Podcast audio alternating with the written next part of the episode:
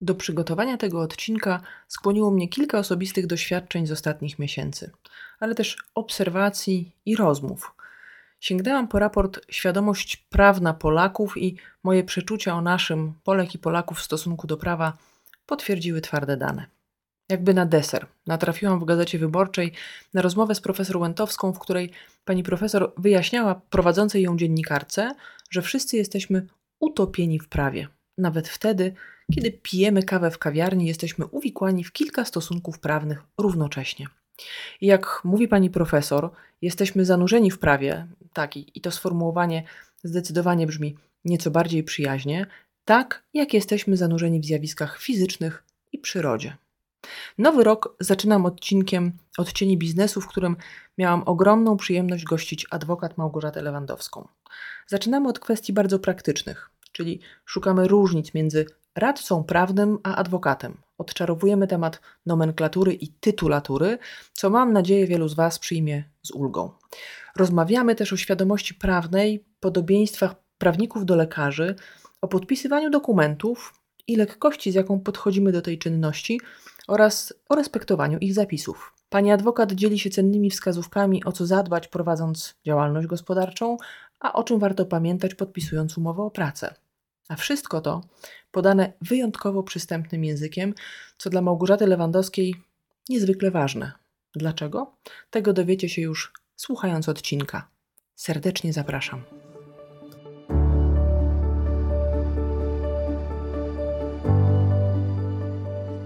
Dzień dobry.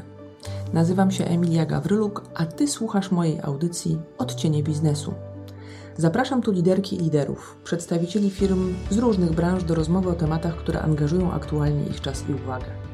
Rozmawiam o tym, co ich inspiruje, skąd czerpią energię, ale także o tym, jakie rozwiązania wprowadzają, aby ci, którzy stoją za sukcesami ich marek, pracowali z radością i energią. To audycja, w której poruszam temat świadomego i mądrego przywództwa. Dyskutuję tu o roli liderów w organizacjach oraz o wyzwaniach współczesnego świata. Sprawdź, jak różne są odcienie biznesu.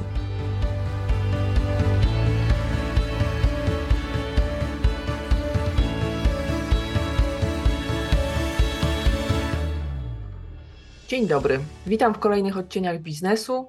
Dzisiaj mam przyjemność gościć adwokat Małgorzatę Lewandowską. Dzień dobry, Małgosiu. Dzień dobry, witam Cię, Emilia, bardzo serdecznie.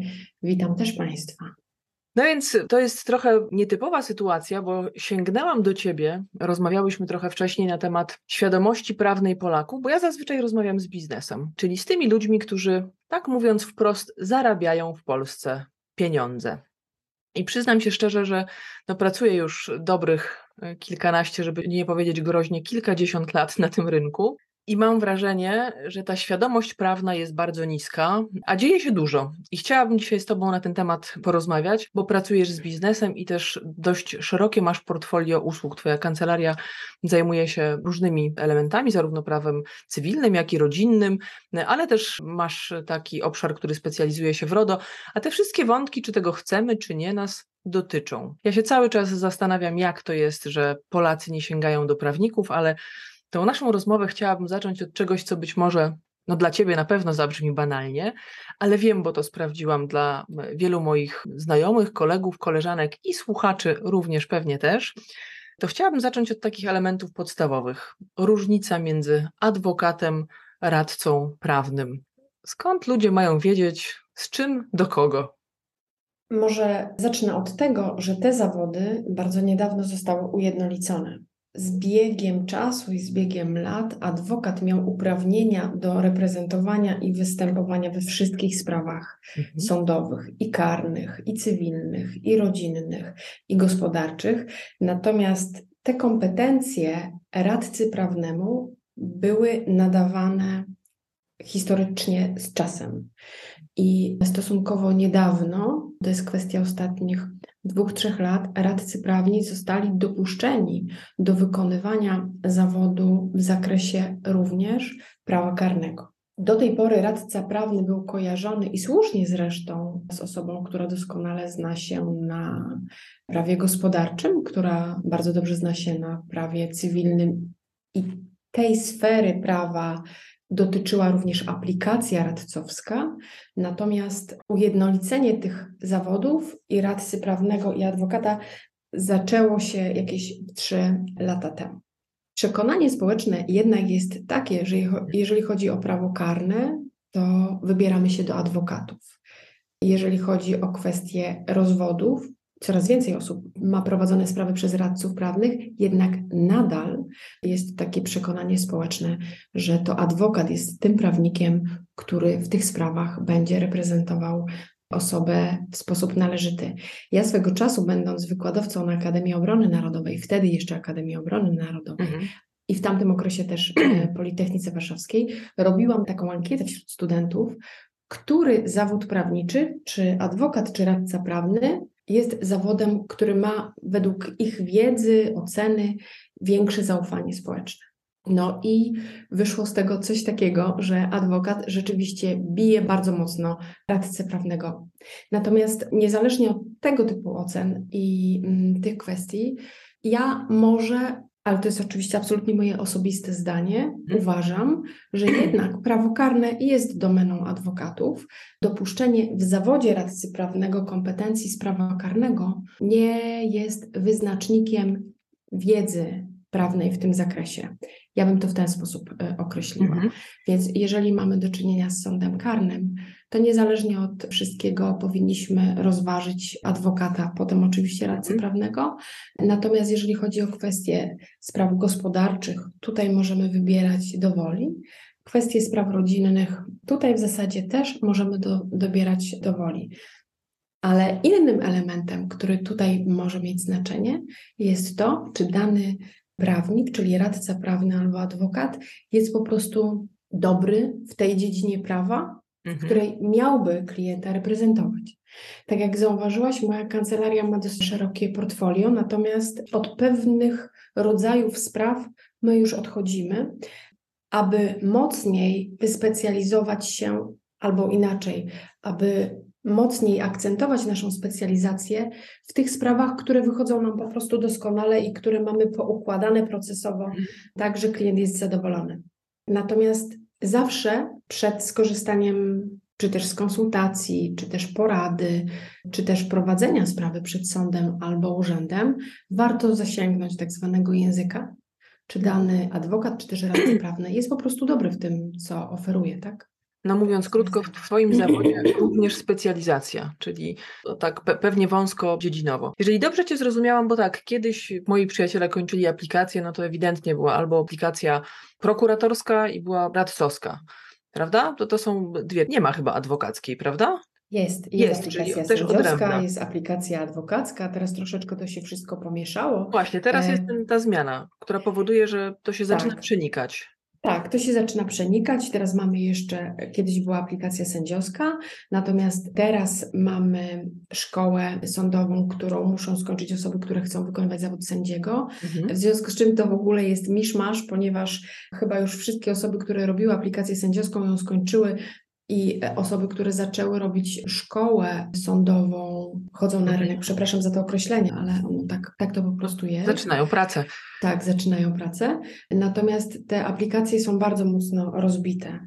Więc mamy też aplikację komorniczą, chyba z tego, co, co kojarzę. Także w każdym, e, w każdym rodzaju prawa można zrobić specjalizację. Mhm. Powiem tak, Korci mnie, żeby Cię zapytać, czy to dobrze, że te zmiany są teraz wprowadzane, czy źle, ale boję się, że pójdziemy w kierunku polityki, no bo jednak czego by nie mówić, no to w naszym kraju w ogóle my wszyscy zostaliśmy i jesteśmy jakoś z tymi elementami prawnymi cały czas w kontakcie ze względu na to, co się dzieje, no mówiąc krótko, w rządzie i w, w kontekście tych zmian i teraz tego KPO.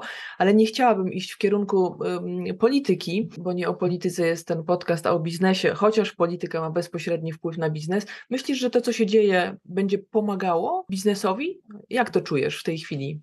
Moje doświadczenie, moje czucie tutaj trochę się rozmija z moim doświadczeniem, choć też w pewnych punktach jest e, spójne. Pokazuje mi, że przedsiębiorcy w Polsce coraz mniej chcą w Polsce biznes prowadzić. Mhm.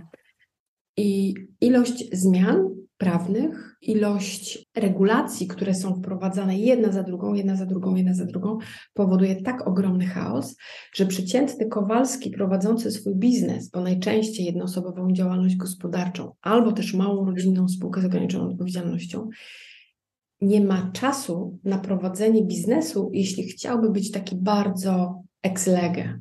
Mhm. To, co powiedziałaś na samym początku, my cały czas za mało jako społeczeństwo korzystamy z usług prawnych i to pewnie wynika z wielu rzeczy.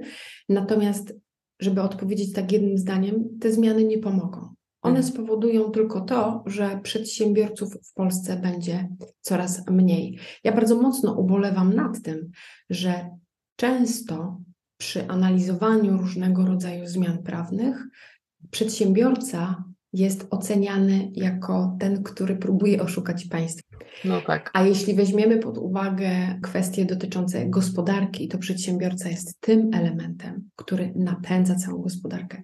Więc jeżeli my nie wprowadzimy regulacji, które będą to przedsiębiorcom ułatwiać, no to niestety cała gospodarka zawali się i przedsiębiorców będzie coraz mniej. Ja się obawiałam, że ty to powiesz, bo ten taki puls biznesu, który łapię też w rozmowach zarówno ze swoimi klientami w takiej codzienności zawodowej, ale tutaj w odcieniach biznesu bardzo często słyszę, że ta zmienność prawie powoduje, że nie ma pewności w kontekście inwestycji. Też Oczywiście. myśląc o biznesie długofalowo. Ty wspomniałaś o tym Kowalskim, ale wiesz, jak ludzie mają podjąć decyzję, czy będą inwestować miliony na najbliższe 3, 5, czy 20 lat, to myślę sobie, że ta perspektywa w ogóle jest coraz trudniejsza. To jeszcze wrócę na chwilę do tych takich, powiedziałabym, elementów podstawowych, bo nie wiem na ile wiesz, ale pewnie też się z tym spotykasz. Prawnicy, z którymi ja mam taki kontakt, powiedzmy regularny, ale bardziej koleżeński, mówią mi, wiesz, z prawnikami to jest tak, że ludzie przychodzą i nie wiedzą, jak się do nich zwracać. Więc tak. chciałabym Cię zapytać o ten taki savoir vivre, bo wiadomo, że no mamy do czynienia teraz z tymi młodymi ludźmi, którzy wchodzą i pewnie po prostu mówiliby proszę pani czy proszę pana. Natomiast jak się zwracać do prawnika? Jak ty jako adwokat chciałabyś, żeby twoi klienci się do ciebie zwracali i jak jest poprawnie, tak, żeby pomóc tym, którzy mają ochotę sięgnąć, żeby czuli się też swobodnie, bo wiesz, ten savoir vivre jest po to, żeby nam było wygodniej, lepiej, ale to trzeba wiedzieć, a tego niestety w szkołach ani w pracy nie no tak. uczą. Do adwokata i doradcy prawnego zwracamy się pani, panie mecenasie. Do notariusza zwracamy się pani, panie rejencie. Do komornika, panie komorniku. Do sędziego na sali sądowej zwracamy się wysoki sądzie. Mhm. Do prokuratora zwracamy się panie prokuratorze. I rzeczywiście to tak jest, że niewiele osób wie o tym, w jaki sposób zwracać się do prawników. Ja to bardzo często obserwuję na konsultacjach z osobami, które do mnie przychodzą się skonsultować. Natomiast uważam, że nic nie stoi na przeszkodzie temu, aby w sposób delikatny i bardzo kulturalny petentowi powiedzieć, że może się zwracać pani mecenas i będzie to nam bardzo mocno ułatwiało współpracę. Aczkolwiek mam takich klientów, z tym, że to są klienci wieloletni, którzy do mnie zwracają się Pani Małgosiu. I to też jest ok. Jeśli mamy już wypracowaną mhm. jakąś relację, nie znamy się od wczoraj, to dla mnie jest to też ok.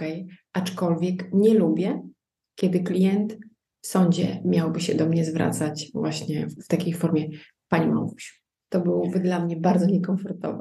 A no właśnie.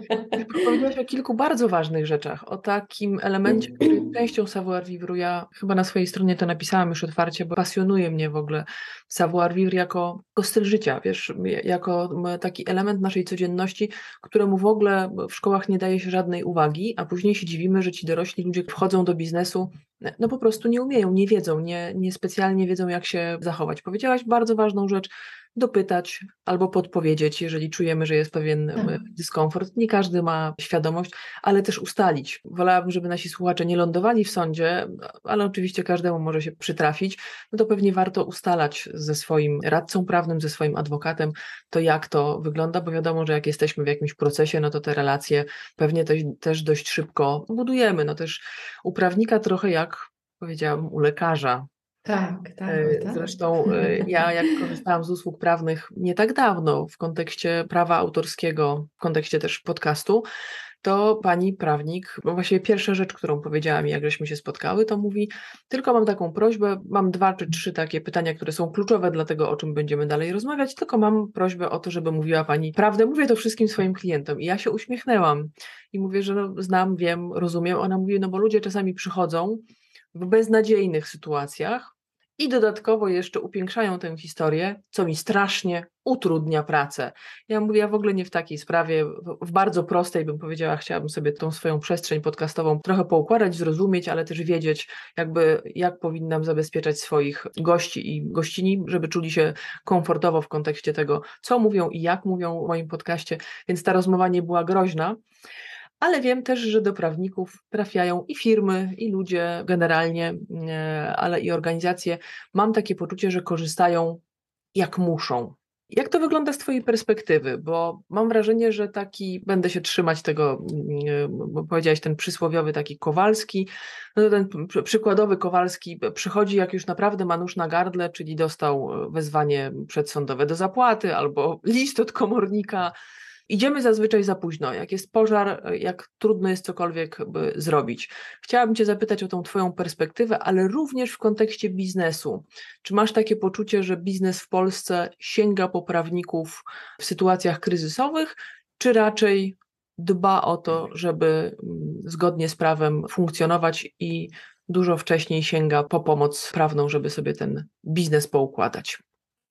To wszystko jest uzależnione od tego, jakiego rozmiaru jest to biznes, bo jeżeli to jest no duży biznes i nastawiony na skalowalność, czyli rozrost, mhm. to raczej tutaj jest wsparcie, stałe wsparcie prawnika. Ja mam takie firmy w obsłudze, stałej obsłudze abonamentowej. Natomiast jeżeli mówimy o mniejszych firmach, to niestety tutaj często jest tak, że nie mają one budżetów na to, aby finansować sobie prawników, choć w perspektywie albo finalnie okazuje się, mhm. że cena, którą potem płacą za brak prawnika, jest znacznie wyższa aniżeli tą, którą musieliby zapłacić, załóżmy za miesięczny abonament w stosunku rocznym. I bardzo często jest tak, że trafiają do mnie klienci, którzy nawet nie tyle mają nóż na gardle, ale na przykład za dwa dni mija im termin złożenia jakiejś odpowiedzi do sądu, czy złożenia jakiegoś wniosku w urzędzie, czy też odpowiedzi na jakieś pismo z jakiejś instytucji. To jest bardzo częste i szczerze Ci powiem, że nie wiem z czego to wynika. Chyba chciałabym myśleć, że z nadmiaru pracy, mhm. bo gdzieś tam mam takie przekonanie, doświadczenie, że niestety bardzo często to wynika po prostu z ignorancji. Skala tego zjawiska jest bardzo rozległa. Hmm. Tak bym to określiła. Ja powiedziałabym, że to takie pozorne oszczędności, trochę o tym powiedziałaś. To dużo pracy. No też bym chciała tak myśleć. Natomiast jak już rzeczywiście jest nóż na gardle, to ludzie wiedzą i biznes wie, gdzie pukać. Ale powiedziałaś ważną rzecz, i takie też mam doświadczenie, że duży biznes po prostu ma opiekę prawną od początku. W systemach anglosaskich, firmach, kapitałem zagranicznym ja mam do czynienia też u swoich klientów, dużych albo bardzo dużych organizacji, że w zasadzie przy każdej, nawet najprostszej umowie pojawia się prawnik. Nawet jeżeli nie fizycznie, to jest to osoba, która opiniuje umowę, gdzieś sugeruje pewne zmiany, dopytuje, dba o to, żeby to było zgodnie z prawem. Im mniejsza organizacja, tym ta świadomość prawna z mojej perspektywy jest niższa. Ja rozumiem, że możemy sobie myśleć w takich kategoriach, że to dużo, że mamy dużo pracy i, i gdzieś to sobie e, odkładać. Natomiast wiesz, od tego też zależy, jak ten biznes funkcjonuje. Mówiąc krótko, to też może nas narazić na potężne szkody y, finansowe i ta pozorność oszczędności jest tutaj ewidentna w, w najprostszych rzeczach. Jak myślisz sobie, czy to jest ogólnie Twoim zdaniem nastawienie do prawników, postrzeganie tego zawodu jako takiego zawodu, który nie kojarzy nam się być może mnie się akurat kojarzy bardzo pozytywnie, ale czy nie kojarzy się jakoś dobrze, w sensie, że, że tam się idzie, jak jest trudno? Masz taką perspektywę? Co mówią twoi klienci? Czy czasami pytasz, z czego się to bierze, jak już przychodzi taki delikwent i mówi, pani adwokat, przepraszam, dwa dni, proszę ratować. No, to, to, są trudne sytuacje. To są trudne sytuacje, bo niestety nie zawsze jest możliwość czasowa, żeby pomóc takiemu klientowi. Mhm. Ja niestety bardzo często odmawiam pomocy, chyba że rzeczywiście jest jakaś bardzo, bardzo trudna sprawa i tutaj klient miałby trudność mm, z tym, żeby sobie poradzić albo znaleźć też prawnika, który by mu to dobrze zrobił, bo na przykład chodzi o sprawę z jakiejś wąskiej specjalizacji i ja wiem, że ja, ja w tym na przykład jestem bardzo dobra, bo to w tym pracuję od, od wielu lat, natomiast ktoś inny mógłby tego nie wykonać w sposób właściwy. Ale jakby wracając do tego pytania, z czego może wynikać to, że ludzie idą na ostatnią chwilę do prawnika, ja myślę sobie, że przede wszystkim z braku świadomości prawnej i z braku konsekwencji, bo gdyby świadomość prawna była wyższa, a w związku z czym byłaby całkiem inna perspektywa konsekwencji niedotrzymania jakichś tam przepisów, norm itd., tak itd., tak to wówczas mielibyśmy zupełnie inny stan rzeczy, aniżeli mamy. I bardzo często jest tak, że ten przeciętny Kowalski przychodzi do adwokata na ostatnią chwilę, bo myśli, że on sobie sam napisze, że w Google'ach sam znajdzie odpowiedź. I trochę my mamy tak, zdaje się, społecznie taką przywarę, powiedziałabym, załatwiania wszystkiego samemu. Jesteśmy takie Zosie Samosie.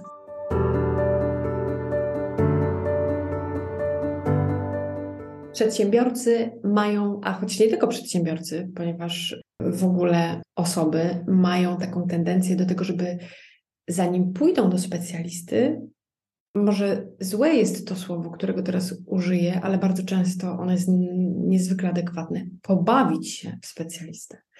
I szukają w internecie odpowiedzi, próbują sami coś napisać, i wtedy, kiedy im się to nie udaje, stwierdzają, no dobra, no to jednak trzeba iść do Lewandowskiej, Lewandowska coś wymyśli. Ja bardzo często słyszę od swoich klientów, bo na mieście mówią, mieszkam i kancelarię mam w Ząbkach, w związku z czym tutaj ta aglomeracja nie jest tak duża i, i gdzieś tam jeśli jest adwokat, no to wiadomym jest, że wszyscy wiedzą, że ten adwokat jest. Bardzo często słyszę od swoich klientów, no jak już Lewandowska ci nie pomoże, to ci nikt nie pomoże. Ale wracając jakby do, do, do meritum tego, co, co powiedziałam, ja na przykład spotykam się z osobami, które prowadzą spółki i chcą robić kontrakty dla osób, które zatrudniają na B2B.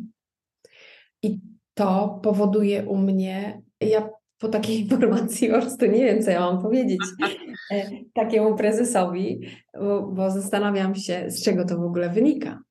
No ale gdzieś tam na pewno jest to kwestia też oszczędności, więc dlatego też idziemy, tej pozornej oszczędności oczywiście, dlatego też do, do specjalisty idziemy na samym końcu. Wiesz, to jest tak samo jak z lekarzem jednak. Ja od tego zaczęłam i tego się będę trzymać, że i lekarze, i prawnicy naprawdę mają pod górę, bo doktor Google jest tym pierwszym miejscem, gdzie zasięgamy porady wszelakiej. E, I mhm. myślę sobie, że nie można zrobić nic gorszego. Ciekawa jestem, bo ja ostatnio doświadczyłam, mówiąc krótko, realizując swoją stronę internetową, czyli zlecając przygotowanie strony internetowej na zewnątrz, uruchamiając podcast, robiąc sobie sesję fotograficzną i tak dalej, no wydawałoby się, że to są takie rzeczy, które każdy przedsiębiorca, mały czy duży, czy firma, czy osoba, która prowadzi działalność gospodarczą, w którymś momencie pewnie po to sięga. Ja doświadczałam i robiłam coraz większe oczy, jak dostawałam dokumenty, które miałabym podpisać, związane na przykład ze stroną, albo jeszcze lepiej, jak dostałam informację, że nie mają, że oni po prostu robią stronę, ale nie mają żadnej umowy i ja wiedząc, co na tej stronie ma być, i oni też, bo dostali cały wzór tego, co tam ma być umieszczone, czyli moi goście, ich zdjęcia, ich biogramy, linki do ich stron i tak dalej. Więc jednak jakiś całkiem spory kawałek RODO. No i firma, jedna z firm, z którą rozmawiałam, powiedziała, ale ona nie ma w zasadzie, to jak pani potrzebuje, to może niech pani napisze. Tak usłyszałam od jednej firmy, która robi strony. Co więcej, robi tych stron całkiem sporo. To nie była jakaś firma krzak, żeby była jasność. To znaczy taka firma, która ma swoje portfolio, ma swoją stronę i zapytałam, czy oni swoją też tak robili. To mi powiedzieli, że swoją to oni sami budowali i nie potrzebowali umowy. Natomiast to też sugeruje, że ten biznes tak działa. Mówiąc krótko, że jest ileś osób, które ma gotowość realizowania różnych przedsięwzięć, jednak z taką dość dużą frywolnością.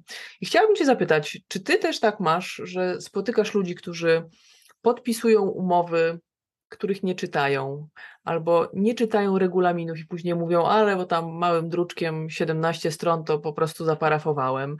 Bo ja mam takich przykładów, a myślę sobie, że ta moja skala jest naprawdę mikro, w sensie ta moja jako osoby, która prowadzi działalność gospodarczą ostatnio, jest ma, maciubka. W biznesie widzę dużo większą uważność, mam na myśli w dużym biznesie. Czytanie dokumentów, regulaminów i właśnie wspieranie się nawet takim prawnikiem, który jest prawnikiem na godziny. Czy ty też masz taką percepcję, że my po prostu sobie podpisujemy te umowy, bo uznajemy, że nie wiem, sama nie wiem co. Wszyscy podpisują, bo wiesz, no tych umów jest trochę, no na telewizję, na telefon. Tam też jest mnóstwo kruczków prawnych. Y, te umowy są zazwyczaj roczne, dwuletnie. Tam też można się, że tak powiem, całkiem konkretnie zadłużyć na przykład. Jakbym chciała z takiej umowy wcześniej wyjść, no to takiego operatora też trzeba spłacać. Jak to jest? Czy ty, ty jakoś twoi klienci mówią ci, dlaczego mają taką frywolność i czy mają, bo może twoi nie mają, jak ty ich tam edukujesz? Ja może trochę z innej strony zacznę. Jest takie powiedzenie, że najczęstszym kłamstwem na świecie jest oświadczenie, że przeczytało się regulamin. Ja się z tym zgadzam absolutnie. Natomiast bardzo często spotykam się z tym, że osoby, które podpisują umowę, nie przeczytały tej umowy. I to wynika z różnych rzeczy. Czasami to po prostu wynika z tego, że mają taką percepcję, takie podejście, że i tak i tak nie zrozumieją wszystkich zapisów umownych, to po pierwsze. Po drugie, czasami robią to na szybko, bo często jest tak, weź no podpisz mi tą umowę, tak w jakichś takich stosunkach biznesowych, więc podpisują sobie na tak zwane piękne oczy, potem różnie się to kończy. Natomiast niezależnie od tego, jaką podpisujemy umowę, i tutaj bardzo fajnie, że to powiedziałaś, czy to jest umowa o współpracy B2B, czy to jest umowa z dostawcą usług, nawet teleinformatycznych, należy tę umowę przeczytać. Ja jestem zdumiona tym, jak mało osób wie i ma świadomość, że tak naprawdę, jeżeli nie chcą podpisywać jakiegoś dokumentu, i to mnie naprawdę zdumiewa od lat, jeżeli nie chcą podpisywać jakiegoś dokumentu, to nie muszą. Gdzieś jest takie przeświadczenie, że jeżeli ktoś już nam podaje jakiś dokument, to należy go podpisać. I być może z tego wynika to, że my często nie, nie czytamy dokumentów, które podpisujemy. Nie wiem. Natomiast właśnie kwestia mm, tego, że niewiele osób wie o tym, że nie musi podpisywać dokumentów, które są im przedstawiane, no to mnie zdumiewa od lat, tego uczę cały czas swoich klientów. I ja na szczęście mam takich klientów, którzy zanim podpiszą jakąkolwiek umowę, wysyłają ją do mnie i jest prośba o sprawdzenie zapisów, co tam jest dla nas dobre, korzystne, co jest dla nas niekorzystne. I to jest bardzo fajna forma, tak?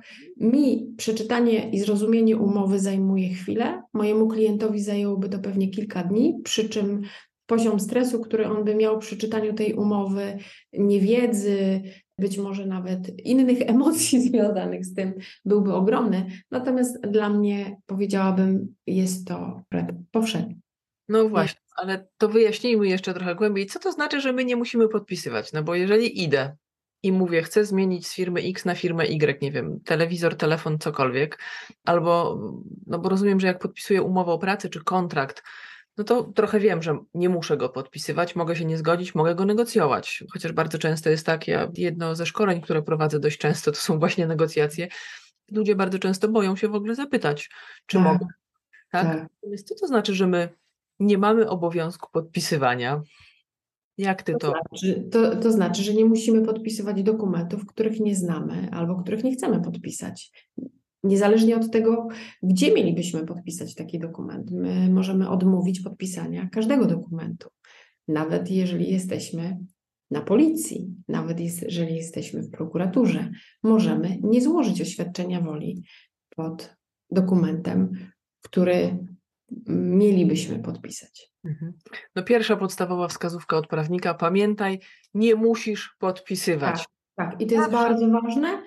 Właśnie kładam sobie posty na przyszły rok na LinkedIn i chyba zrobię o tym post, bo to jest bardzo, bardzo ciekawe e, zagadnienie i rzeczywiście zdumiewa mnie to, ponieważ niezależnie od świadomości, czasami mam klientów, których świadomość prawna jest bardzo wysoka, inni klienci są tacy, że ich świadomość prawna nie jest aż taka wysoka i tutaj nie ma to znaczenia Bardzo niewiele osób wie, że nie musi podpisywać dokumentów, które są im przedstawiane. Zrób o tym Tego koniecznie. powinniśmy uczyć się w szkole. A no właśnie. Takie jest moje zdanie. Jak paru innych rzeczy. mm, Tak. Natomiast w tej szkole jest dużo takich, których z tego, co ostatnio słyszałam, których dzieci się uczą i naprawdę, zaprawdę nie wiem, do czego im to będzie potrzebne. A myślę sobie, że sama miałabym co najmniej kilka fajnych pomysłów na to, co w tej szkole mogłoby się pojawić, żeby rzeczywiście pomagało nam wchodzić w dorosłe życie. Wspomniałaś o tym LinkedInie, to ja naszych słuchaczy bardzo serdecznie zachęcam do tego, żeby śledzili Twoje konto, bo Ty też na LinkedInie robisz po prostu bardzo merytoryczne wpisy. Ja też dzięki temu zwróciłam uwagę na to, co robisz, sobie pomyślałam, Boże, wreszcie prawnicy zaczynają edukować, to znaczy wychodzą i mówią, jak jest, to znaczy jak warto, po czemu się warto przyjrzeć, a nie tylko straszą, tak? Zmiany, zmiany, zmiany, to teraz będzie trudniej i teraz musisz korzystać z naszych usług. Ja serdecznie polecam, żebyście Państwo śledzili konto Małgosi, bo tam jest dużo praktycznych informacji. Ale jak jesteśmy przy tych praktycznych informacjach, to ja bym Cię chciała zapytać taką rzecz, gdybyś miała podpowiedzieć, no bo na LinkedInie jest bardzo dużo osób, które pracują w oparciu o kontrakt B2B, bardzo dużo osób, które prowadzą własną działalność gospodarczą i pewnie też całkiem spora rzesza ludzi w, z biznesu. Ja nie wiem, jak to się rozkłada, szczerze mówiąc, nawet nie wiem, czy są takie statystyki, ale gdybyś miała podpowiedzieć, o co zadbać, o jakie aspekty swojej działalności, jak prowadzę działalność gospodarczą, jakąkolwiek, jestem takim trochę freelancerem albo mam kilku współpracowników. O co tacy ludzie powinni w pierwszej kolejności zadbać i z czym przyjść do prawnika, tak upfront, nie na zasadzie właśnie zepsuła mi się umowa albo źle wykonałem zlecenie i teraz zaczynam się kłócić z moim klientem, jest trudno, nie potrafię z tego wybrnąć, tylko zaczynam działalność, o co warto zadbać i co warto mieć, wiesz, na początek. To będą takie proste rzeczy, o których bardzo niewiele osób myśli w ogóle. A mianowicie to będą odpowiedzi na dwa pytania. Dlaczego ja chcę prowadzić ten biznes i jaki ma być efekt tego biznesu? Mhm. I od odpowiedzi na te pytania właśnie będzie zależało ułożenie całej struktury prowadzenia działalności. Dlatego, że nie zawsze te kwestie finansowe są najważniejsze, bo nie zawsze są. Oczywiście wszyscy pracujemy po to, żeby osiągać dochody, ponieważ musimy płacić rachunki.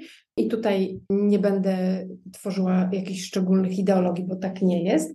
Natomiast jeżeli odpowiemy sobie tak z serducha na pytanie, po co ja w ogóle ten biznes prowadzę, w którym momencie ja chcę być za 5 lat.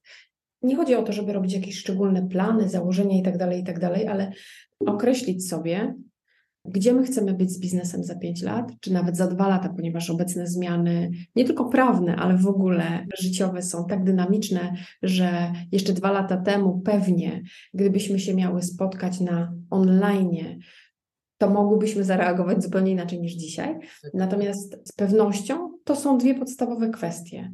Jeżeli ktoś chce prowadzić biznes tylko i wyłącznie po to, żeby na nim zarabiać i wcale nie ma ochoty nawiązywać współpracy z jakimiś dużymi firmami, wcale nie ma pomysłu na produkt, który czy usługę, którą będzie dalej prowadził, to jednoosobowa działalność gospodarcza jest bardzo dobrym rozwiązaniem. Mhm.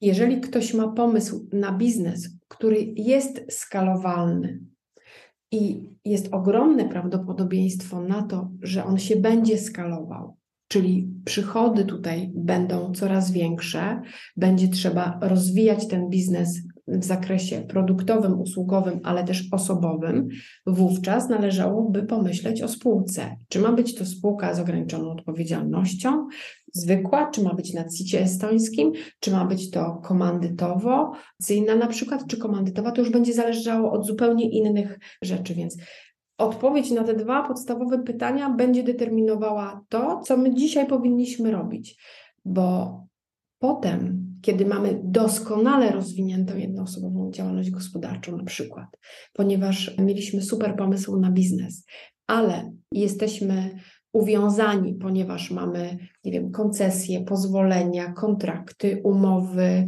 dotyczące finansowania z różnymi instytucjami. Zamknięcie jednoosobowej działalności gospodarczej i otworzenie spółki na to samo jest niemożliwe, a przekształcenie będzie generowało ogromną ilość czasu i ogromną ilość pieniędzy.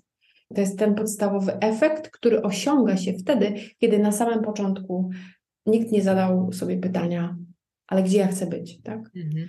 Może to jest banalne, ale to jest właśnie to pytanie, które każdy przedsiębiorca na początku swojej drogi powinien sobie zadać. Mam takie poczucie, że to pytanie jest taką odpowiedzią, to kiedy skorzystać z prawnika? Mówiąc krótko, na im szybciej, tym lepiej. Tak. Możliwości tak. po prostu porozmawiać, bo prawnik wie, jakie zadać pytania, po to, żeby no, poukładać też nam trochę czasem, mam mhm. wrażenie w głowie, tak. Żeby nie podjąć pochopnej decyzji. No bo to nam się jest... rozwija się, to będę tam zmieniał, to będę dobudowywał. Nie dobudowywała. Bardzo często nie można już tego zmienić, nie można dobudować, nie można przekształcić, albo przekształcenie jest bardzo kosztowne, bardzo czasochłonne, czasami niemożliwe wręcz do wykonania. Więc tym dobrym momentem, żeby iść do prawnika, ale takiego prawnika, który naprawdę zajmuje się biznesem i który w biznesie siedzi, ten moment to jest sam początek, kiedy my się zastanawiamy nad tym, jak chcemy biznes zacząć, albo zaczynamy, jeszcze jesteśmy rozwijającą się jednoosobową działalnością gospodarczą, ponieważ bardzo dużo osób w ten sposób zaczyna, ale gdzieś nam w głowie już świtają różnego rodzaju pomysły, i kiedy my chcemy te pomysły wdrażać w życie, albo planować, robić sobie jakiś biznesplan, nawet taki najzwyklejszy, taki podstawowy, to, to jest ten moment, żeby iść do prawnika. Ja jeszcze dodam taką jedną rzecz do tych wszystkich moich wypowiedzi. Ja jestem adwokatem, który obsługuje małych i średnich przedsiębiorstwa. Mi najlepiej pracuje się z takim klientem, dlatego że e, sposób wydawania decyzji w takich organizacjach jest szybki. Ja mam bezpośredni kontakt na przykład z prezesem albo z dyrektorem, który odpowiada za określony dział, w którym ja mam na przykład współpracować z firmą. Nie zajmuję się takimi bardzo dużymi konsorcjami czy też korporacjami, ponieważ współpraca z takimi firmami jest z mojej perspektywy zbyt wymagająca. Mhm. Więc ja wśród swoich klientów obserwuję takie obudzenie się z ręką w nocniku po kilku latach od rozpoczęcia. Jezu, dlaczego ja zrobiłem to tak? Albo dlaczego ja zrobiłem to tak? Albo dlaczego ja prędzej do ciebie nie przyszedłem? Bardzo często słyszę taką narrację. Niestety, niestety, ale tu pokutuje też trochę to nasze przekonanie tej Zosi Samosi, która wszystko zrobi, tego przeciętnego Kowalskiego, który wszystko chce wyczytać e, w internecie. Tak najpierw zadzwoni, ja bardzo często mam takich klientów, którzy najpierw zadzwonią do kolegi, do przyjaciela, do znajomego, pójdą do sąsiada zapytać, a ja jestem w tym całym łańcuchu dostaw na samym końcu. I po prostu czasami jak słyszę informacje, z którymi do mnie klient przychodzi, to robię oczy jak ping-pong i ja mówię, w ogóle o czym Pan do mnie mówi? Gdzie w ogóle Pan zdobył takie informacje? One są niewłaściwe i one są nieprawdziwe. Ale nie wiem, czy Ty też zauważyłaś coś takiego, Emilia. Ja często spotykam się z czymś takim, że ludzie mają ogromną satysfakcję w tym, kiedy chcą być prawnikami, ekspertami. Bardzo często słyszę nawet w takich normalnych e, okolicznościach, nie mówię w kancelarii, ale bardzo często słyszę w takich normalnych okolicznościach wśród osób, które nie wiedzą o tym, jaki zawód wykonuje, zgodnie z prawem to powinnaś to czy tamto. Aha. Zgodnie z prawem zrób tak czy tak. Nie, nie, nie, nie, to tak nie wolno, bo wiesz, te ustawy, które teraz weszły w życie, to powinnaś tak czy tak. Ja się tak czasami zastanawiam, no jakby z czego to wynika. Zdumiewa mnie to, zastanawia mnie to. To jest fascynujące z drugiej strony, o ile takie osoby potrafią się w odpowiednim czasie zatrzymać. Tak? Powiem Ci więcej, jak słyszę takie rzeczy, a bardzo często prawnicy w tej samej sytuacji i praktycznie w tym samym momencie mówią, jeszcze nie wiemy, jak to interpretować, albo kontekst tak. jest ważny, w jakiej spółce, w jakiej, tak. w jakiej sytuacji. No, są tacy, którzy po prostu stoją jak z katedra, mówią, ja wiem i zgodnie z prawem to będzie tak, jak tak zrobisz, to będzie dobrze. To jest jednak trochę przerażające. A powiedz proszę, B2B, no to, to jest jedna z takich form zatrudnienia, która jest y, ostatnio dość modna. Ja chyba taka naj, z jednej strony najśmieszniejsza, ale z drugiej strony wyobrażam sobie, że ci, którzy tam uczestniczyli w tej całej sytuacji, o której za chwilę powiem, y, to myślę sobie, że mieli też różne trudności i ciarki po plecach.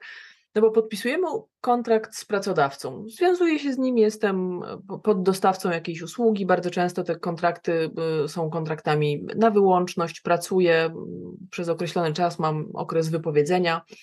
No i słyszałam taką historię, jak y, człowiek na bardzo poważnym stanowisku zmieniał swojego partnera biznesowego i podpisał wstępny kontrakt, a następnie po kilku dniach się zorientował, że w swoim obecnym kontrakcie ma klauzulę konkurencyjności i przybiega i mówi, to co my mamy z tym robić? Ja bym Cię chciała zapytać o to, bo to jest ważny aspekt, ale tak dwutorowo.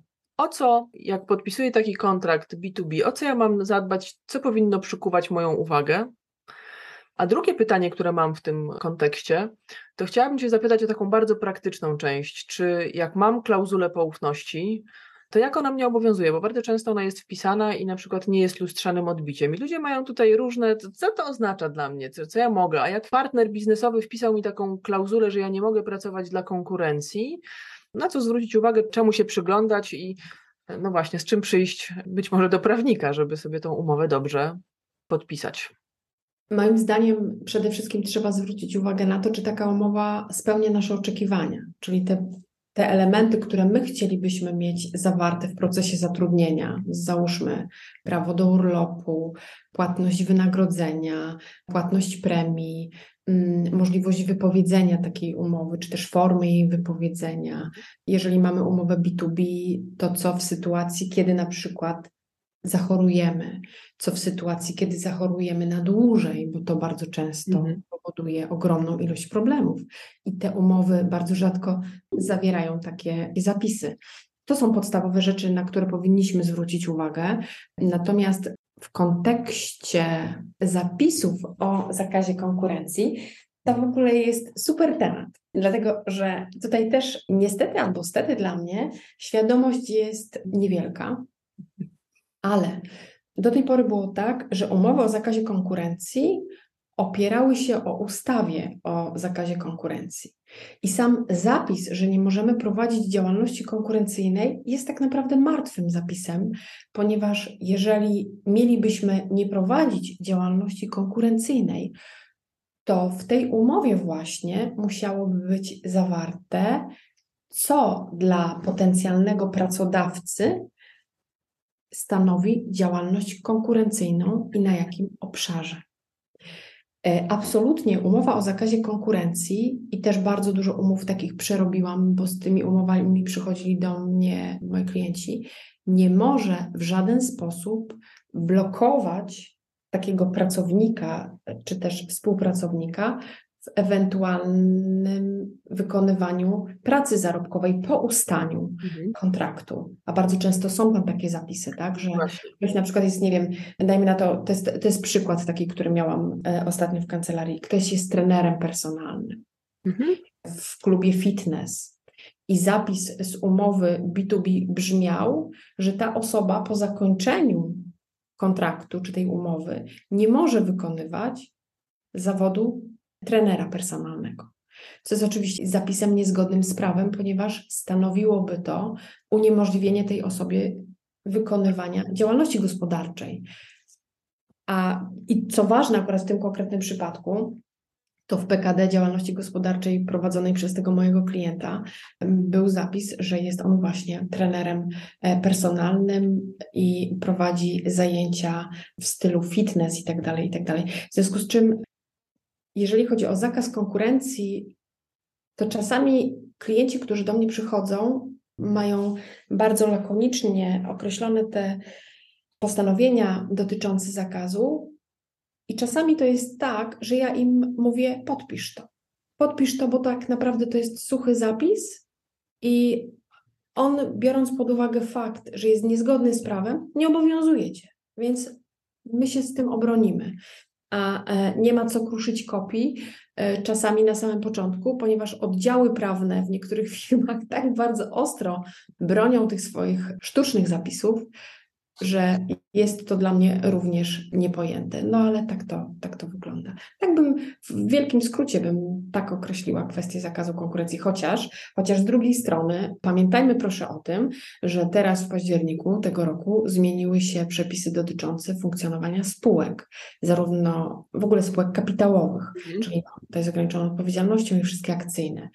I tutaj lojalność wspólników i osób będących w zarządzie jest nałożona na te osoby ustawowo. A więc zakaz konkurencji i wykonywania działalności konkurencyjnej do firmy, w której jesteśmy, do spółki, w której jesteśmy, jest na nas, obliguje nas ustawowo. Mhm. A to już jest zupełnie inny zakaz konkurencji. Tak. No i właśnie, to są te, wydawałoby się, niuansiki, które są tak, niezwykle, niezwykle istotne. Tak, no i jak wiadomo, nieznajomość prawa szkodzi. Mm, jest y, jedna taka zasada, której nauczył mnie mój pierwszy szef, nawet w jednym z podcastów y, go wspominałam. On mi kiedyś powiedział: Pamiętaj, że umowę pisze się na złe czasy. Mówi, jak jest dobrze, to nikt do umowy nie zagląda. Zazwyczaj sięgasz, jak zaczynasz, nie wiem, chcesz się rozstać z organizacją i tak dalej, więc to, to, to, jest ten y, aspekt. I dlatego tak bardzo istotne jest, żeby mieć tą świadomość, że nie muszę jej podpisać i mogę bardzo długo y, albo wystarczająco długo do tej mojej takiej satysfakcji mm, y, doprowadzić te zapisy tak, żebym była skłonna, czy był skłonny je podpisać, bo będą czymś, co mi pasuje, znaczy czymś, na co chcę się zgodzić i umówić z tą drugą stroną.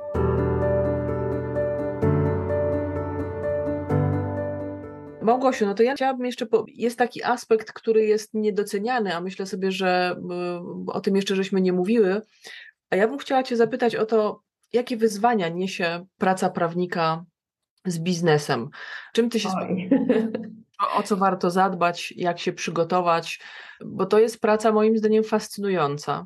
Ja przyznałam się do tego, że mam wśród przyjaciół bardzo wielu prawników i prawniczek. I myślę sobie, że ta praca jest naprawdę fascynująca, jak się kocha ten zawód, ale on się wiąże z różnymi e, obciążeniami. E, daj się naciągnąć, powiedz troszkę. Ojej, wiesz, to nie jest takie proste. To nie jest takie proste, bo musiałabym trochę ponarzekać, a ja z natury nie narzekam i staram się szukać rozwiązań aniżeli problemów.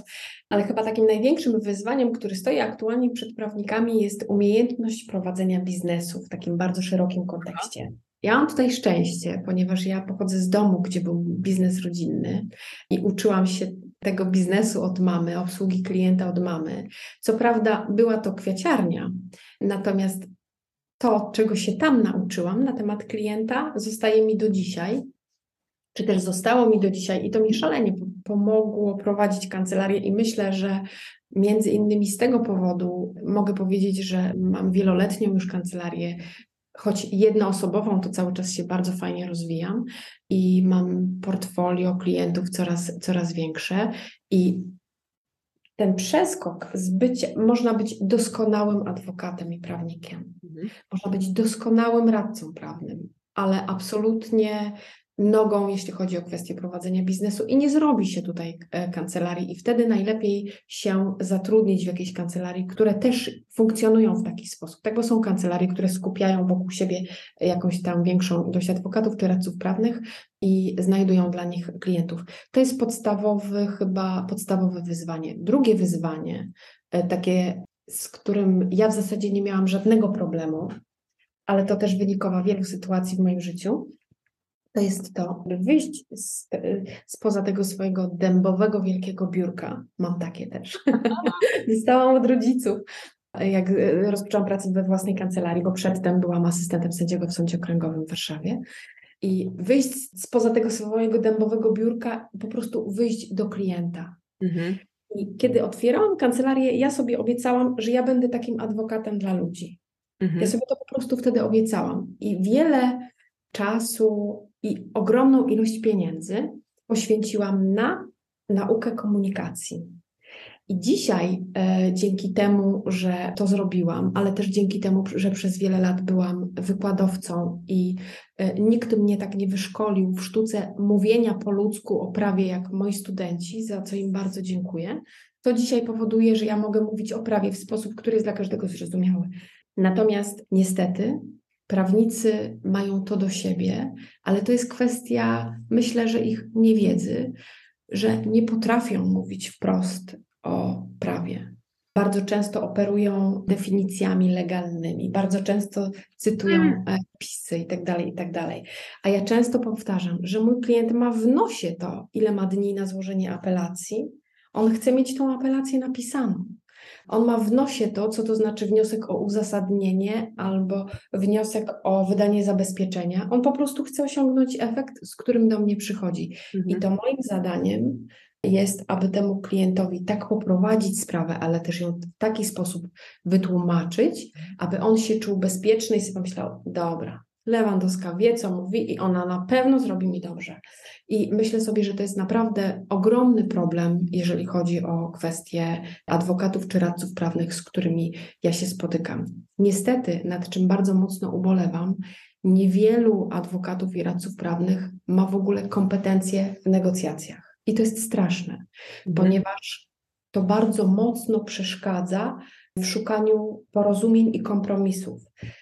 I ja jestem zawsze zwolennikiem tego, aby szukać rozwiązań z drugą stroną, dogadywać się, nie prowadzić wieloletnich procesów, ponieważ to generuje ogromną ilość czasu i pieniędzy, a mnie nie satysfakcjonują długoletnie procesy, a ja lubię szybko wygrywać.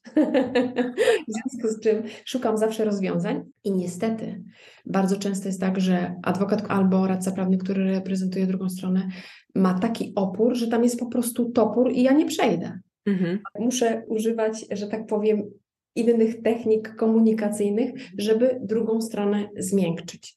Co tak naprawdę w konsekwencji bardzo negatywnie wpływa na interesy klienta, bo niestety często, gęsto prawnicy przerzucają się jakimiś tam rzeczami, którymi się przerzucać nie powinni, tak? Natomiast myślę sobie, że największym wyzwaniem dla obecnych prawników jest komunikacja i umiejętność prowadzenia biznesu. Mhm. No wiesz, powiedziałaś o kilku niezwykle ważnych rzeczach. Po pierwsze, powiedziałaś coś takiego, że prawnik musi czuć biznes. Tak, e, tak. No bo jak siedzi, jak powiedziałaś, jest topór i pytanie, czemu służy? Bo ja bardzo często słyszę, że kancelaria, czy prawnik, czy w ogóle ta obsługa prawna to jest taki back office. A ja lubię myśleć o radcach prawnych trochę inaczej, ale właśnie pod warunkiem, że oni ten biznes rozumieją. Mówiąc krótko, że czują, tak jak powiedziałaś, że mają te aspekty prawne wytłumaczyć ludzkim językiem, żebyśmy wiedzieli, jak ten biznes zgodnie z prawem robić, żeby on był dla obydwu stron satysfakcjonujący, zakładając, że mówimy o długofalowym procesie. No bo jak się umawiam na sprzedaż samochodu tu i teraz kończymy, to wiemy, że możemy się po prostu dogadać, mieć prostą umowę, podpisać, zamknąć, wziąć pieniądze, druga strona bierze samochód, do widzenia. Najprawdopodobniej nigdy się nie zobaczymy i nie będziemy się z dużym prawdopodobieństwem o nic sądzić ale też powiedziałaś o takim aspekcie, o którym, który wcześniej chyba nie wybrzmiał w naszej rozmowie, a teraz jak to mówiłaś, to sobie uświadomiłam, że to jest, to znaczy ten strach przed tym, czy ja zrozumiem co ten prawnik do mnie, do, do mnie będzie mówił. Czy on mhm. mnie zarzuci jakąś ilością prawnych aspektów, różnych, wiesz, paragrafów i cytatów, które mnie tylko będą wciskały w to krzesło czy w fotel i będę myślała sobie, Boże, i to jeszcze za moje pieniądze. Tak? tak? Tak. Siedzę i nie wiem, co z, tym, co z tym zrobić. Powiedziałaś trochę o wyzwaniach, to chcę Cię zapytać o obciążenia, bo jednym, który się nasuwa jakby od razu z mojej perspektywy, no to wyobrażam sobie, że to jest stresująca jednak praca trochę, ale jakie są Twoje obciążenia? Moim największym obciążeniem chyba jest to, zresztą to mi bardzo często powtarzał mój opiekun prawny, świętej pamięci profesor, którego pisałam doktorat. On tak na mnie patrzył i mówi: Małgosia, nie możesz wszystkiego brać do siebie, bo długo nie pożyjesz. Dobrze, panie profesorze, dziękuję, że się pan tak na mnie martwi, ale to jest fakt. I ja nie umiem inaczej. I największym moim obciążeniem jest to, że ja wiele spraw biorę do siebie. Ja czuję te sprawy, które prowadzę. Zresztą ja bardzo często, kiedy na przykład robię filmy, czy kiedy robię jakiekolwiek nagranie, ja całą sobą mówię, e, choć mam tutaj zwracaną uwagę, nie powinnaś w ten sposób, ale ja nie umiem inaczej, bo mhm. ta moja praca trochę albo właściwie nie trochę, tylko bardzo mocno, jest taką całą mną. Ja, ja, często mówię, że ja całą sobą wykonuję ten zawód.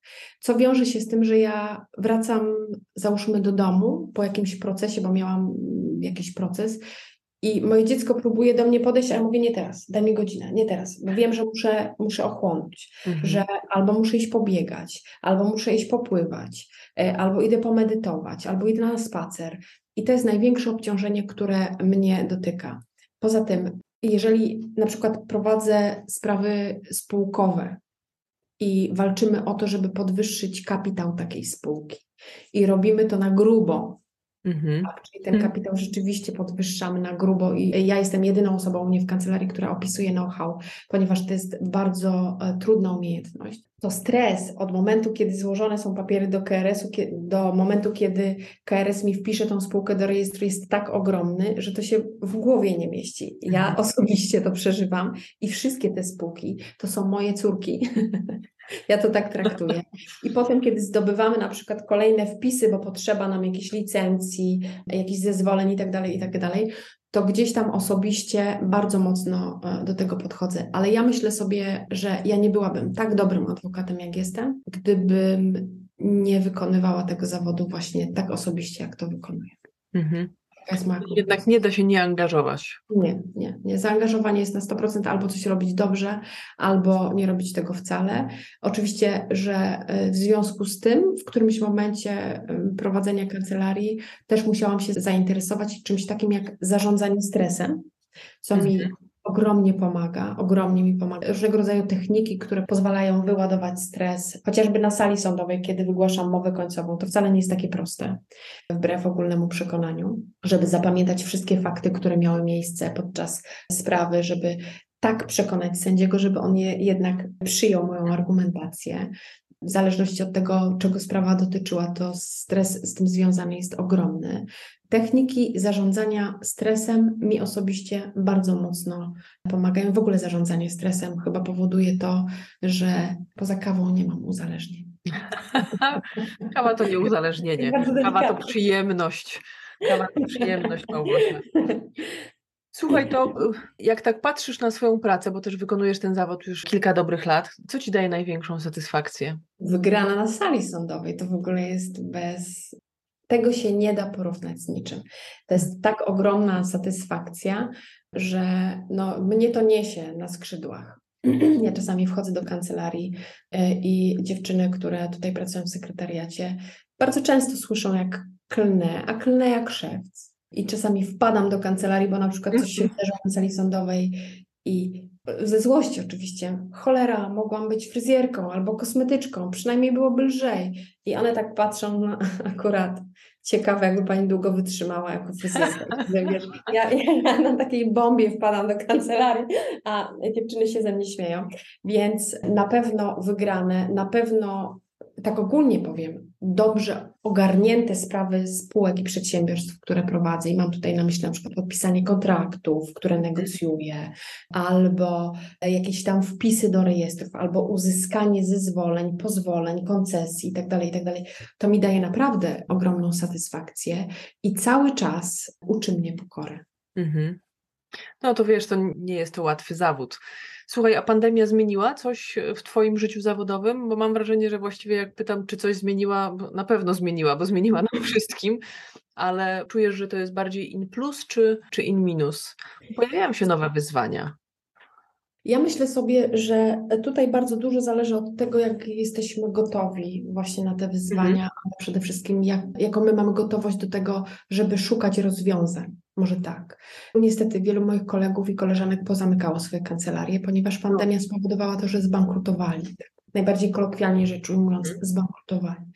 Jeżeli o mnie chodzi, ja nie miałam nawet przez moment takiej chwili, żebym musiała myśleć o tym, o Boże, co to będzie. Dla mnie pandemia była takim bodźcem do szukania rozwiązań, ponieważ ja cały czas uważam, że przyszłością są usługi online'owe. I z mhm. tego powodu na przykład pandemia u mnie tylko i wyłącznie przyspieszyła pewne procesy i wdrażanie w rynek nowych produktów, zwłaszcza online'owych. Więc dla mnie pandemia chyba przyniosła mi więcej takich pozytywnych rozwiązań aniżeli zagrożeń. Mhm. Też tak lubię mówić o pandemii, szczerze mówiąc, poza tymi wszystkimi trudnymi rzeczami, których żeśmy doświadczali, to dla mnie też był to taki czas bardzo dużego rozwoju. Tak. Ale w pandemii też pojawiło się, myślę sobie, jak obserwuję rynek, to wszyscy żeśmy zauważyli taki wybuch pracy twórczej, no żeśmy część z nas właśnie zmieniała zawody albo zaczynała robić takie rzeczy, na które wcześniej nie miała czasu. Zaczęło się pojawiać mnóstwo różnych webinarów, e-booków, książek, podcastów, tak? I nie byłabym sobą, gdybym cię nie zapytała, to o co chodzi z tym RODO? e, w tym kontekście, bo wszyscy gdzieś tutaj działamy, no bo z jednej strony prawa autorskie i, i tak dalej, tego żeśmy już trochę dotknęły. Natomiast chciałabym Cię zapytać w tych wszystkich zmianach i w tych biznesach, w których niezwykle istotne jest to wpisywanie swoich danych, żeby pobrać coś, żeby z czegoś korzystać. To powiedz mi, co taka przeciętna osoba, która funkcjonuje, powinna wiedzieć o RODO? Bo to też się ostatnio zmieniło. Ja wiem, że tutaj w zasadzie to nie ma. Nie, nie wiem, czy kiedyś będzie taki stan, że powiemy sobie, że mamy to i to prawo powinno nadążać nad tym, co się dzieje w biznesie, ale to RODO się ostatnio zmieniło. Co warto wiedzieć o RODO, jak funkcjonuje biznesowo? Przede wszystkim, i to jest najbardziej lakoniczna chyba ze wszystkich odpowiedzi, których mogłabyś ode mnie oczekiwać, moim zdaniem należy czytać to, co jest przy tych małych kwadracikach, które zaznaczamy ptaszkiem.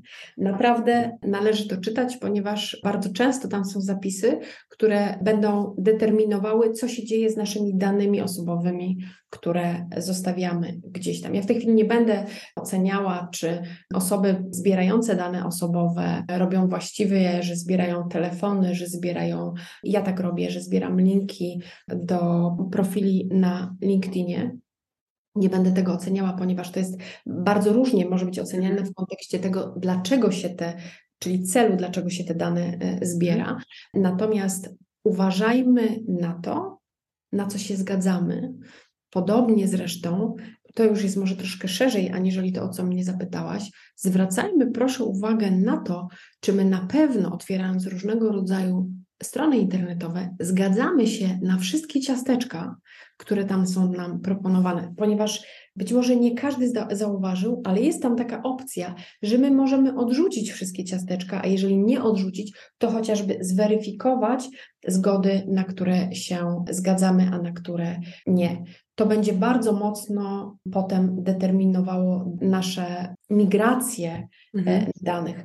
Bardzo często jest tak, że osoby, które zbierają dane osobowe, czy firmy, które zbierają dane osobowe, mają w tych swoich zgodach zapis, że osoba, która udostępnia swoje dane osobowe, zgadza się na to, żeby te dane osobowe migrowały do iluś tam tysięcy firm powiązanych z tą jedną co może być w rezultacie bardzo niebezpieczne, to po pierwsze, a po drugie denerwujące, bo nagle się okazuje, że dzwonią do nas z kołdrami, z garnkami, mm -hmm. z mhm. zaproszeniem na różnego rodzaju pokazy itd., itd., itd.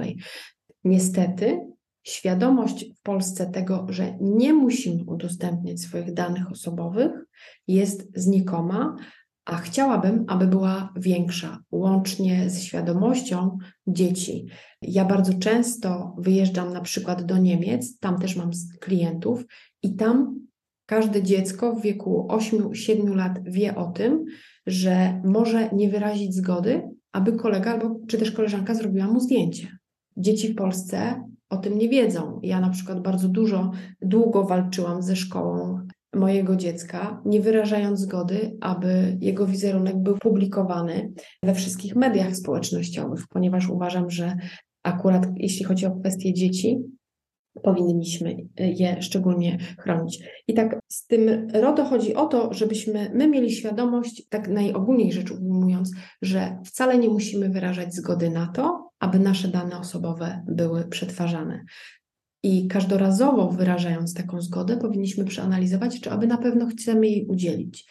Czasami, jeżeli mamy do czynienia z jakimś produktem, który jest produktem darmowym, organizator w zamian za to, że nam daje jakiegoś darmowego e-booka albo zaprasza nas na darmowy webinar, zbiera nasze dane osobowe. Wówczas możemy zdecydować, czy my naprawdę musimy mieć tego e-booka i za tego e-booka damy swoje imię i nazwisko i numer telefonu, czy też nie bardzo mocno zachęcałabym do weryfikowania, kiedy ktoś nas prosi na przykład o adres naszego zamieszkania. Nie wspomnę już o bardziej szczegółowych danych osobowych, takich jak widziałam takie kwestionariusze, gdzie zbierający domagał się na przykład numeru dowodu osobistego czy też numeru PESEL-u. Więc tutaj ta świadomość powinna być zdecydowanie większa i wyższa i Niestety, ale za mało jest akcji informacyjnych na ten temat. Hmm. Za dużo produktów zgodnych z RODO, tak. albo sprzedam Ci regulamin, Ci instrukcje e, albo coś tam, za mała jest natomiast świadomość.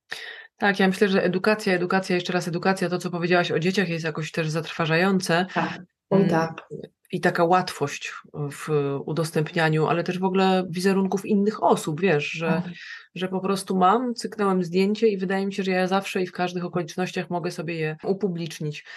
No powiem Ci, że Jeśli, jeśli mogę tutaj jeszcze jedno zdanie, e, zwłaszcza jeżeli chodzi o wizerunek, my żeśmy o tym rozmawiały na, na samym początku dzisiejszego spotkania, ale jeżeli chodzi o kwestię wizerunku, czy też w ogóle ochrony danych osobowych, to te kwestie były u nas dużo wcześniej uregulowane aniżeli 18 prawda. i, i wejście RODO. My, jeżeli chodzi o kwestię wizerunku, musimy jeżeli chcemy taki wizerunek publikować, to musimy uzyskać zezwolenie osoby, która nam ten wizerunek swój oddaje. I tam zapisy dotyczące tego zezwolenia muszą być bardzo precyzyjne i bardzo szerokie, łącznie z tym, czy na przykład udostępniamy za darmo, czy za opłatą itd., itd., itd.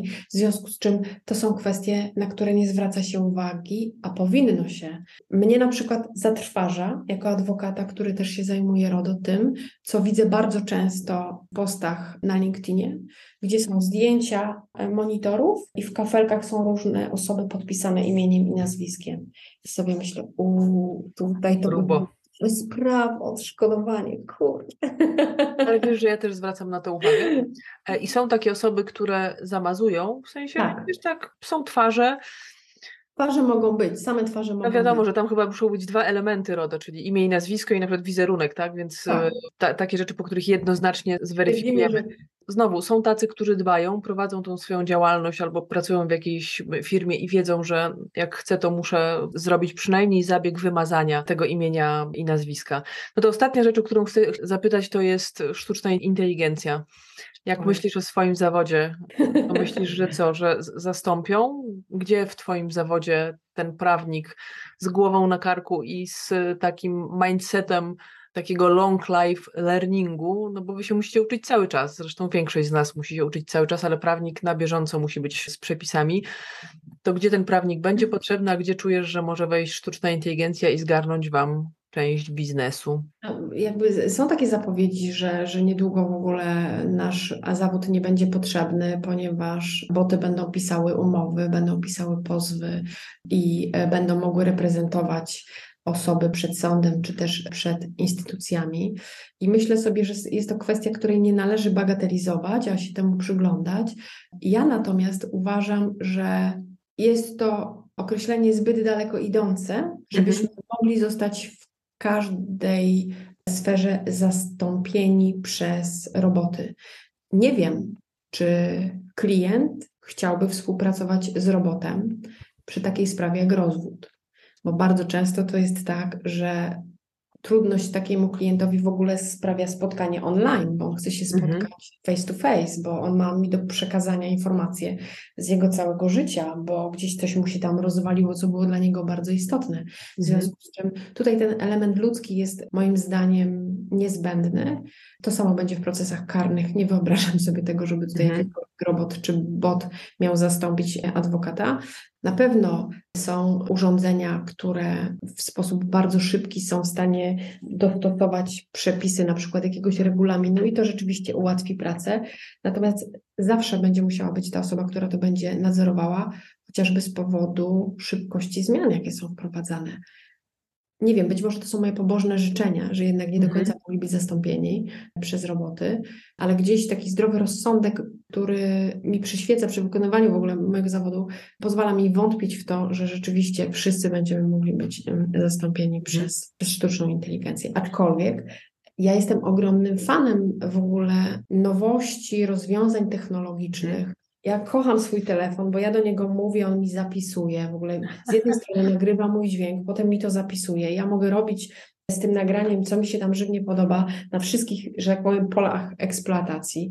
Kocham mój komputer, bo też mówię i Word mi zapisuje to, co mówię, więc to mi bardzo mocno usprawnia pracę i za to technologię kocham. Natomiast czy będzie ona w stanie nas zastąpić?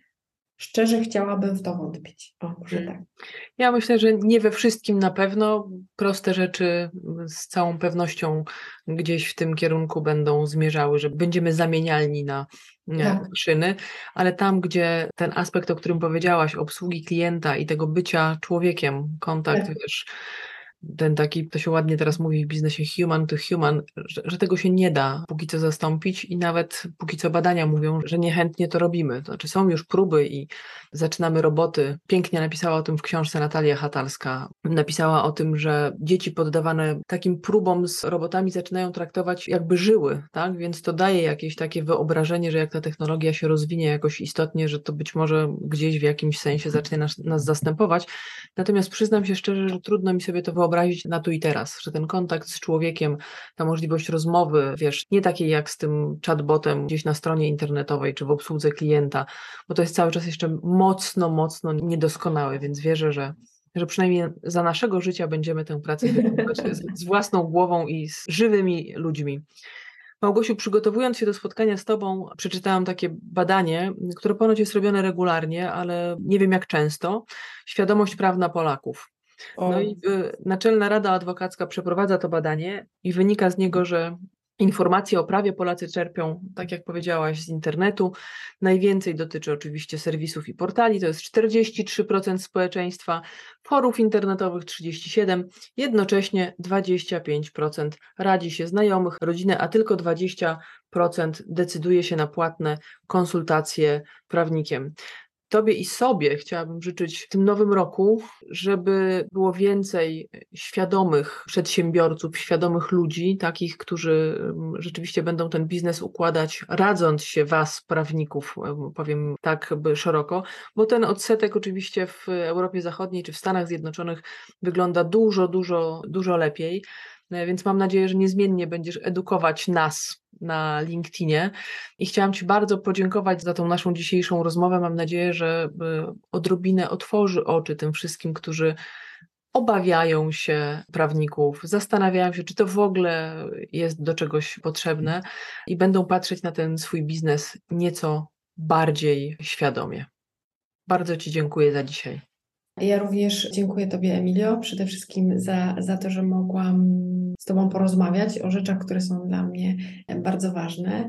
Nie ukrywam, że pewne pytania spowodowały takie zatrzymanie u mnie, w zakresie, w zakresie tego, jakie zagrożenia niesie mój zawód.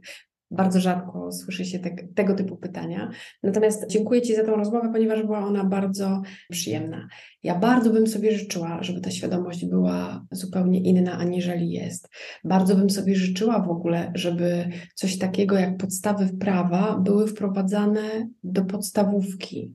Mam tutaj na myśli szkołę, żeby dzieci, małe dzieci już wiedziały o tym, jakie mają prawa, na co się mogą, a nie muszą godzić. Mhm. I to by wiele problemów na pewno nam zaoszczędziło.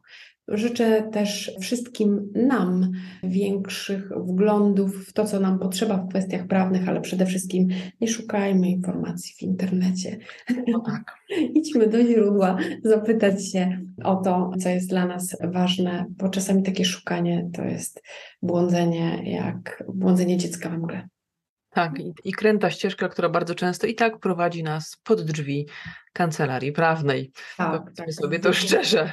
Tak, bardzo Ci dziękuję. Życzę Tobie i sobie tak, żebyśmy byli bardziej świadomi prawni, żebyśmy rozmawiali o rozwiązaniach, żebyśmy szukali i wszystkim przedsiębiorcom w tym, w tym nowym roku też życzę, żeby trafiali na prawników, o których mówiłaś, czyli takich, którzy czują biznes i będą potrafili nam w tym biznesie po prostu pomóc. Wszystkiego dobrego. Bardzo dziękuję za dzisiejsze spotkanie. Również Emilia, wszystkiego dobrego. Dziękuję serdecznie.